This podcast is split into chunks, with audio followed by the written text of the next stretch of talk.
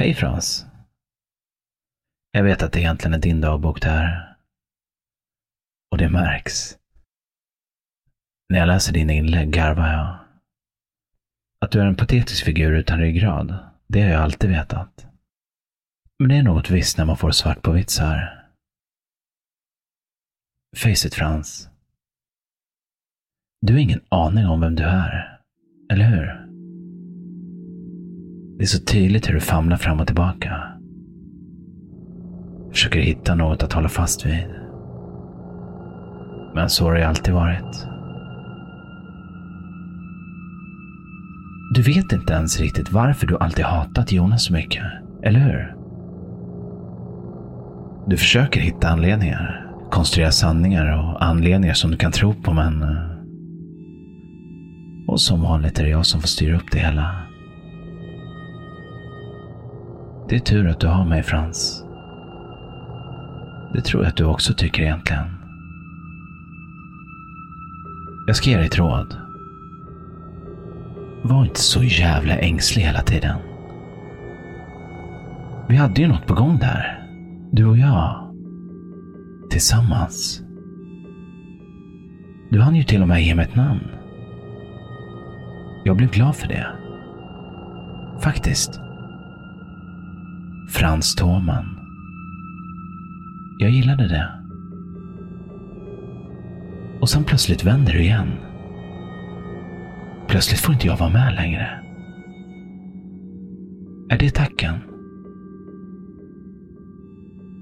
Jag har tagit hand om dig. Ända sedan det där med Jonas hände.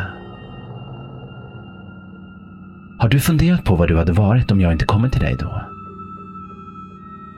Vet du ens att jag gjorde det?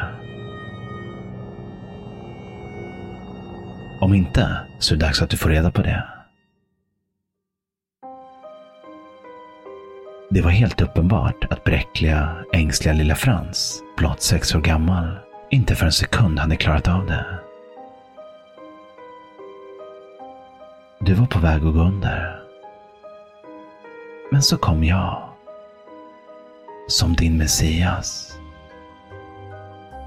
Jag tog all din smärta. Din skam. Förnedringen. Allt. Utan att kräva någonting tillbaka. Och lilla Frans? Ja, du levde på och frodades som vanligt. Inte ett ont anande. Och så har det alltid varit Frans. Jag tror att du vet det innerst inne. Du har alltid lämnat allt mörker till mig att ta hand om. Det har varit bekvämt, va? Det kan jag tänka mig. Till skillnad från dig så kan jag hantera det. Jag är så mycket starkare än dig, Frans. Tänk på det.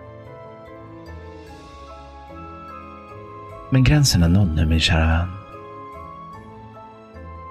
Du och jag var helt överens om att Jonas var tvungen att dö. Ett enkelt beslut med tanke på vad han gjorde mot oss. Men jag är inte klar än. Förstår du det? Min gräns är nådd. Jag bryr mig inte om om du vill ge mig ett alias eller inte. Om det känns lättare för dig så gör det mig inget. Men du får under inga omständigheter motarbeta mig i det här. Det är viktigt att vi är överens om det. Om inte annat, tänk på Linnea. Jag läste i ditt förra inlägg att du tycker att det är konstigt att hon bara dyker upp hos dig ibland. Ett tips. Fråga inte henne om det. Hon kommer tro att du är ett psykfall utan närminne då. Men jag lovar, jag har bara pratat med henne på telefon nu. Men jag tror inte att hon märker någon skillnad öga mot öga heller. Så här. Om du fortsätter att motarbeta och tränga undan mig. Eller om du gör någonting annat än håller dig ur vägen och låter mig göra det jag måste göra. Då slaktar jag Linnea på det mest vidriga sätt du kan tänka dig.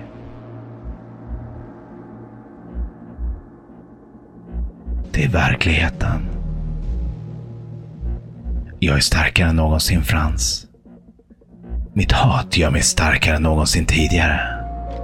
Och jag kontrollerar min närvaro på ett helt annat sätt nu. Jag vet att du gillar Linnea. Mycket. Och jag vet varför du smyger på henne när hon går till jobbet. Och varför du står utanför henne på kvällarna i buskagen och spanar in i hennes fönster.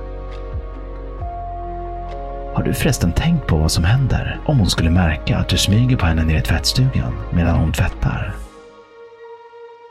Du försöker kontrollera henne, Frans. Som vanligt. Vi måste verkligen prata om din självkänsla. Jag brukade hjälpa dig med den när du var yngre.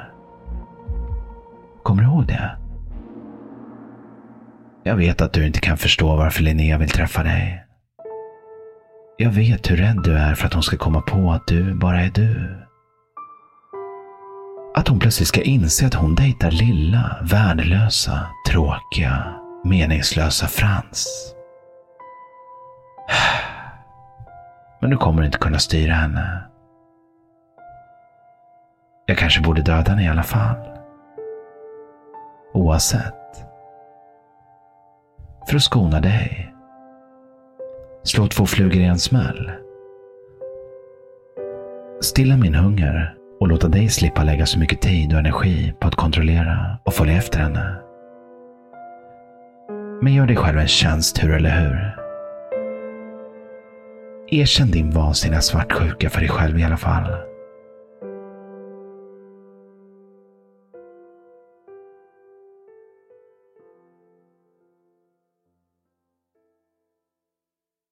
Frans, fundera nu riktigt noga på hur du vill ha det.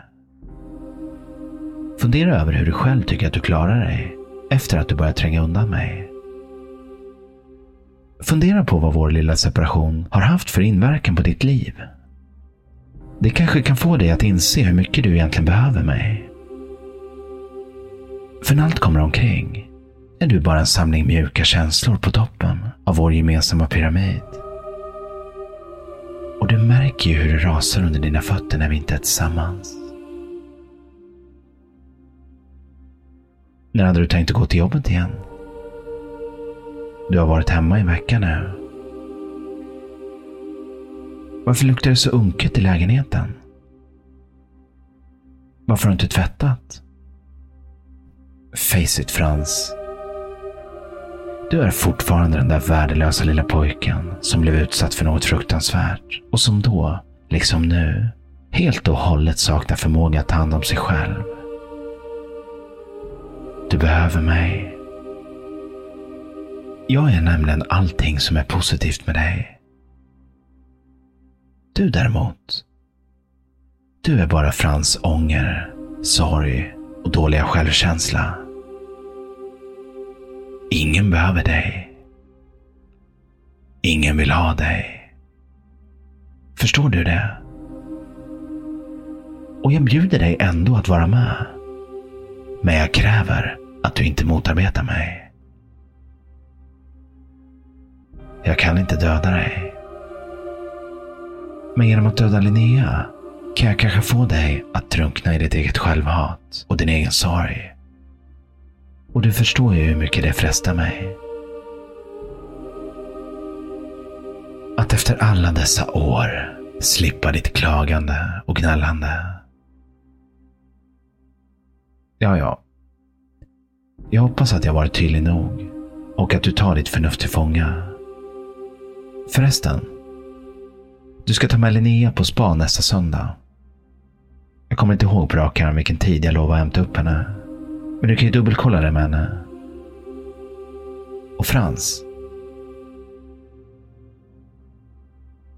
Om du inte visat prov på att du omvärderat situationen till dess, så lovar jag på vårt gemensamma och bottenlösa hat mot Jonas att Linnea inte kommer överleva den natten.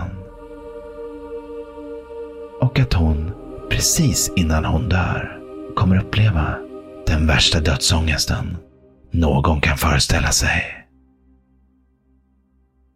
Bästa hälsningar Frans Thåman, din beskyddare.